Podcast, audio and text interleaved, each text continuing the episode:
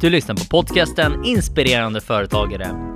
I dagens avsnitt träffar vi Martin som tar oss med på en ingående resa hur han gjorde för att upptäcka viner i Italien för att sen sälja dem i Sverige på Systembolaget. Hoppas ni tycker att avsnittet är intressant att lyssna på. Nu kör vi!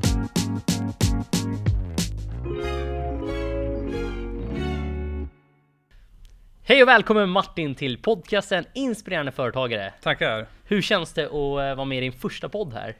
Eh, riktigt kul såklart. Eh, en ära att, att få komma hit. Ja, en ära att få ha dig här. Så att, eh, kan du berätta för alla som lyssnar, vem är du och vad har du lyckats göra?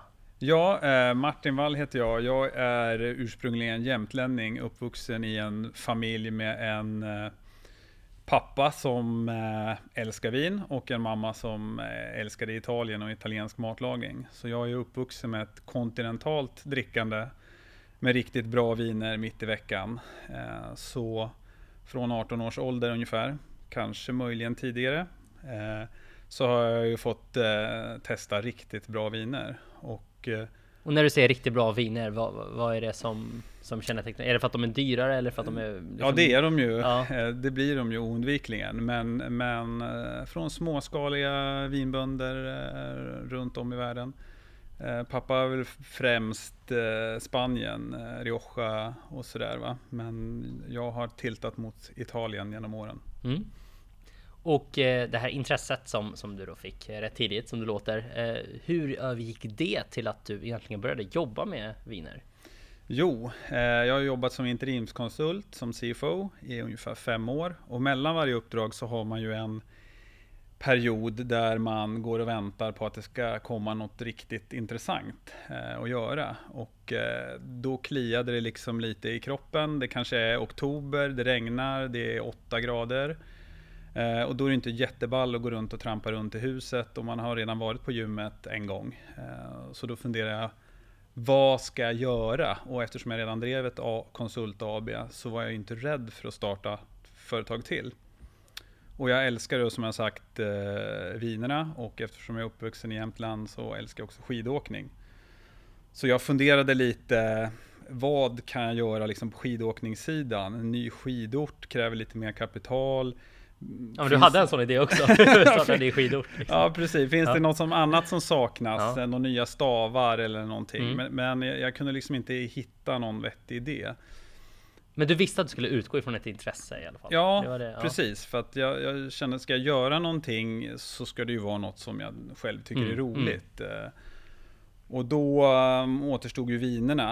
Eh, och jag har ju ganska länge bara beställt viner genom beställningssortimentet. Eller köpt viner när jag varit på resa utomlands. Eller beställt eh, liksom genom privat import så. Mm. Och varför har du gjort det?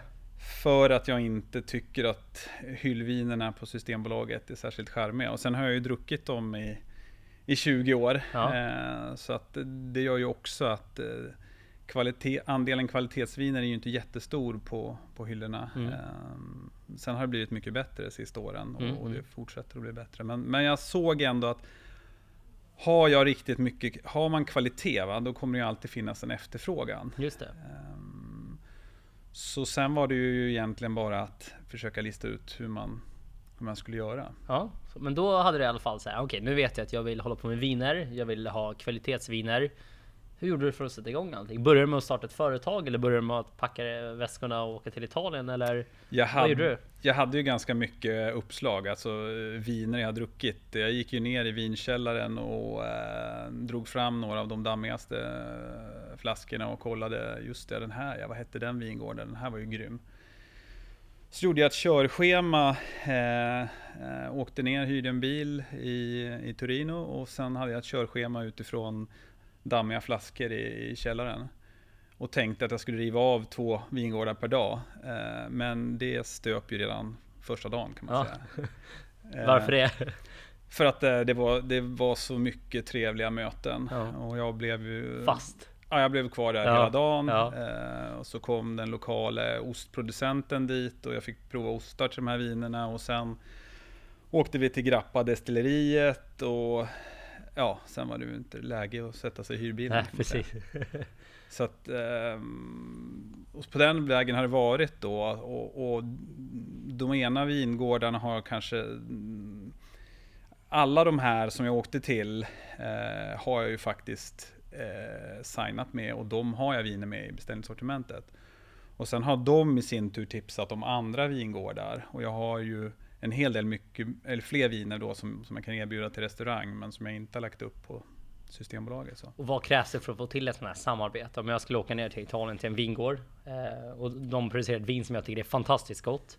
Eh, vad krävs det för att jag ska få sälja det i Sverige till exempel och importera det?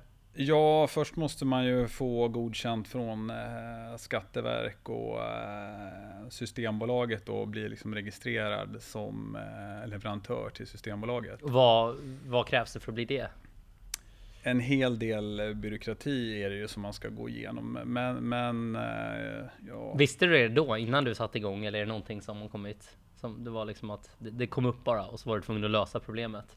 Eller visste du att det är så mycket byråkrati? Och... Jag hade väl blivit skrämd av det, men eh, jag tyckte inte att det var så vansinnigt ändå. Liksom, jag har gjort ansökningar till EU-projekt och annat, mm. så det, var, det, var, inte så att jag smällde av ändå. Men, men eh, det var bara något som jag skulle tugga mig igenom. Mm. Och hur lång tid tog det ungefär innan du blev godkänd för att det var nog någon månad tror jag innan ja. alla papperna var klara med mm, bankgarantier mm, och annat mm. som man ska ställa för, för um, alkoholskatt och sådär. Så det är ju lite pyssel, absolut. Men det är ju inget som, eh, som man inte tar sig igenom. Mm. Men vad krävs det i form av till exempel kapital för att göra det här? Du pratar om en bankgaranti. Hur mycket pengar ja, det, behöver man för det, att starta?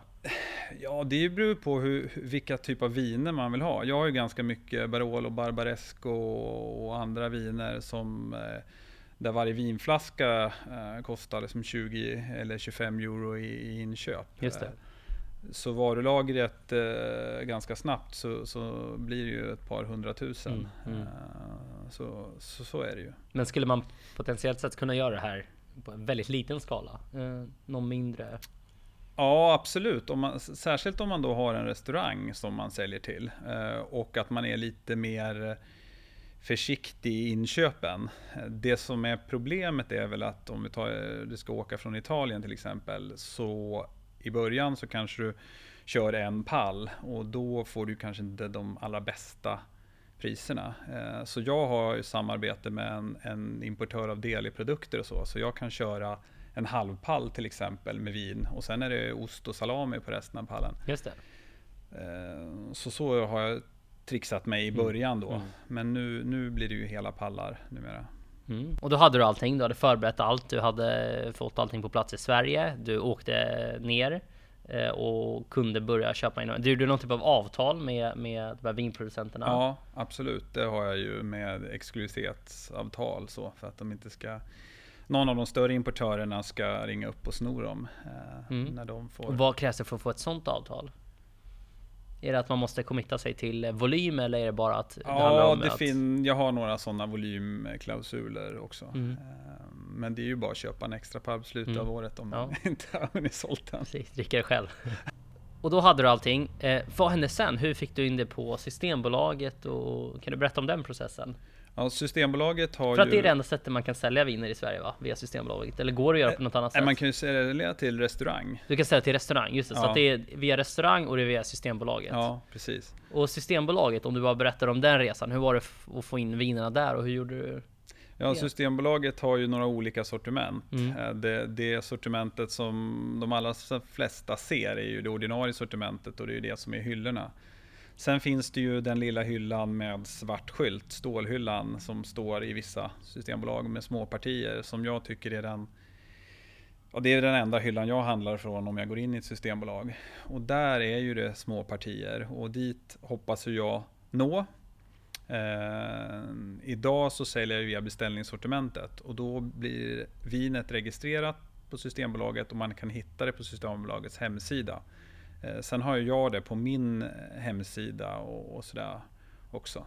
Så att successivt som året har gått här sedan jag registrerade första vinet så ser jag ju en, en positiv trend eh, hela tiden. Att folk upptäcker vinerna och de fortsätter att köpa dem. Och jag har några, ska man säga, ja, delar av Sverige där någon någon gång har upptäckt det och sen har det spridit sig. Så att det är några orter som utmärker sig, eh, så kan man säga. Mm. Och, så det är alltså tre olika sortiment som Systembolaget har. Du har Ja. det ordinarie, du har den här svarta hyllan som du Mm. kallar den och så har du beställningssortiment. Precis. Vad krävs det för att komma in i respektive eh, sortiment? Vad krävs det att komma in i beställningssortimentet som du har? Vad, vad behöver du då? Då behöver du en ansökan. Ja, som man skickar in till eh, Systembolaget eh, och sen eh, skickar man med bilder på flaskan och, och ehm, etiketter och lite sådär. Sen- Testar de vinet och sådär också? Nej, eller? det gör de ju inte i det läget. Nej. Sen har jag ett, en Franciacorta, ett eh, italienskt bubbel då, som har blivit så pass mycket beställt via beställningssortimentet så Systembolaget har valt att testa det. Okej. Eh, och då får man lämna in flaskorna mm, till deras labb eh, och sen så skriver de sådana här hylletiketter och så till de systembolagen som säljer det. Och det sålde en hel del i Göteborg inför nyår och nu tickar det på också lite grann. Så, Ja, så att, kul. eh, det är liksom första steget till Just det. att den vägen kan man nå det ordinarie sortimentet då. Och svarta hyllan, hur, hur når man det? Då lämnar man en, en offert på ett vin Ja. ehm, och lämnar in det för prov då till inköparen för det landet. Eh, det ordinarie sortimentet kan man också nå förutom då via beställningssortimentet via de stora offerterna då och då, eh, då är det ju väldigt stora volymer.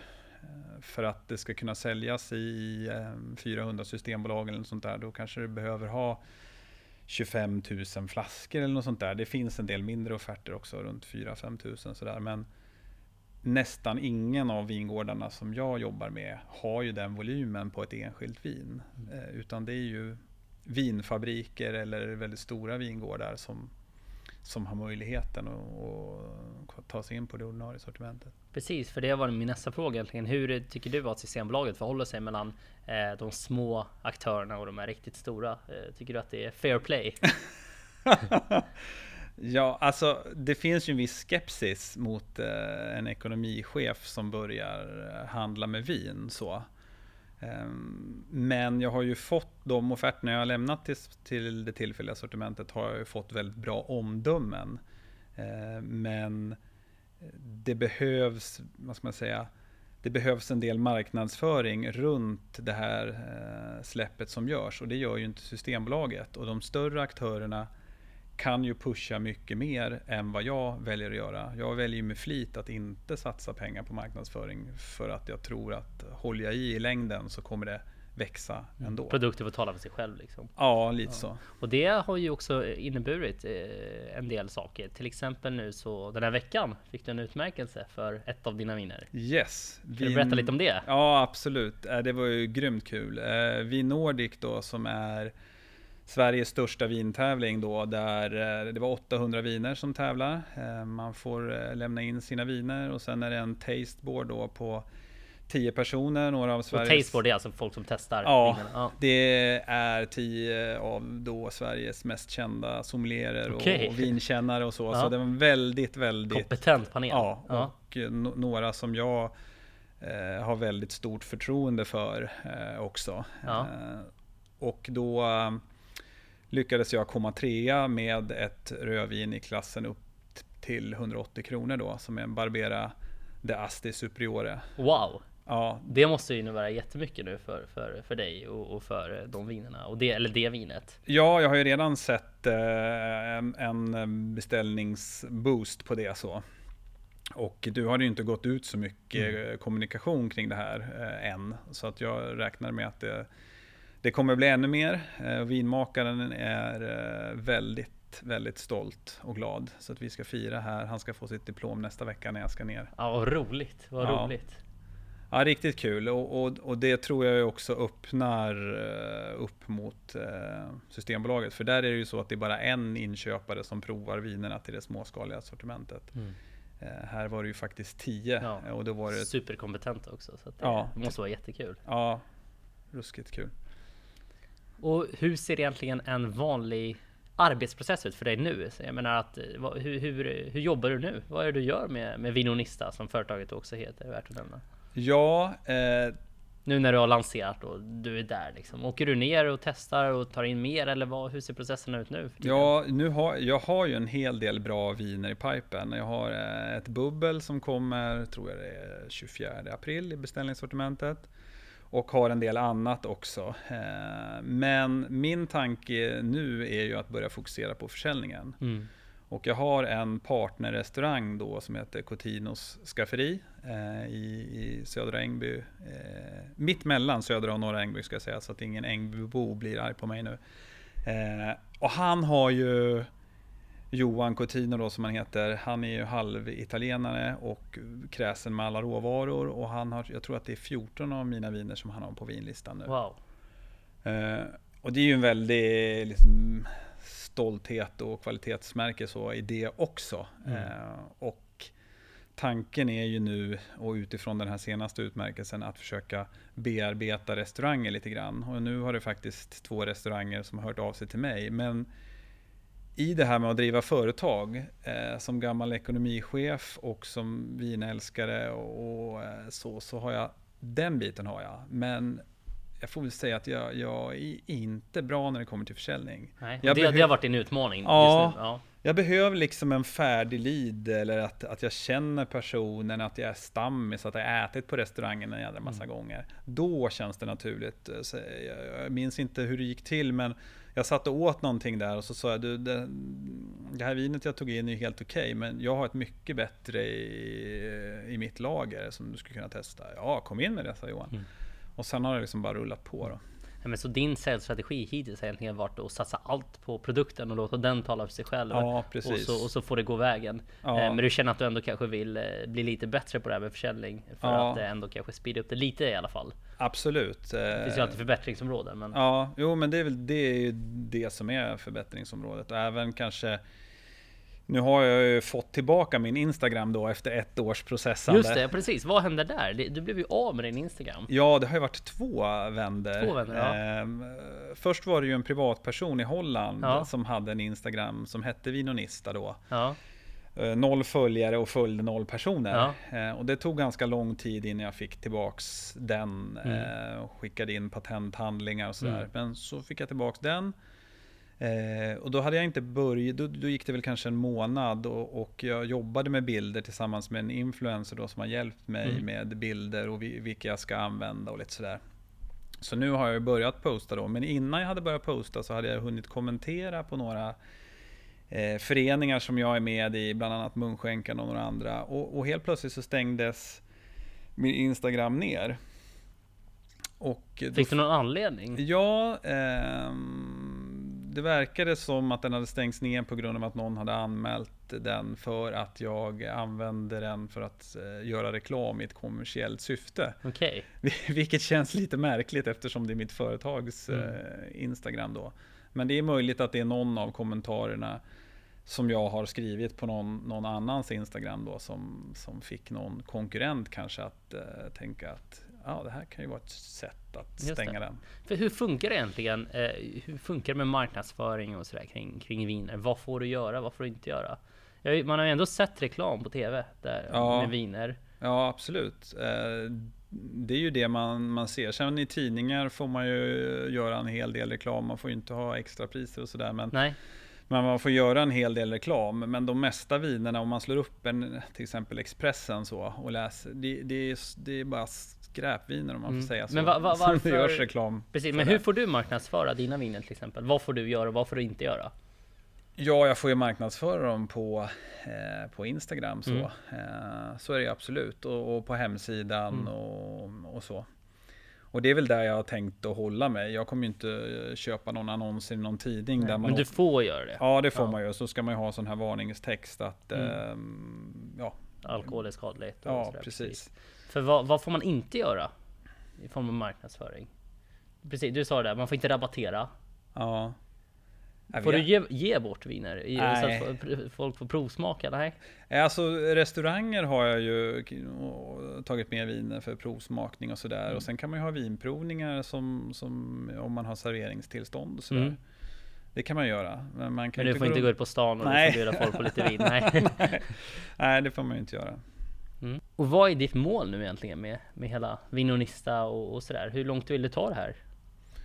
Ja, Eh, målet är ju att få in en hel del viner ändå löpande i det småskaliga sortimentet och framförallt att fler människor ska upptäcka beställningssortimentet. För det, det finns ju så enormt mycket bra små viner som, som man aldrig ser på Systembolaget.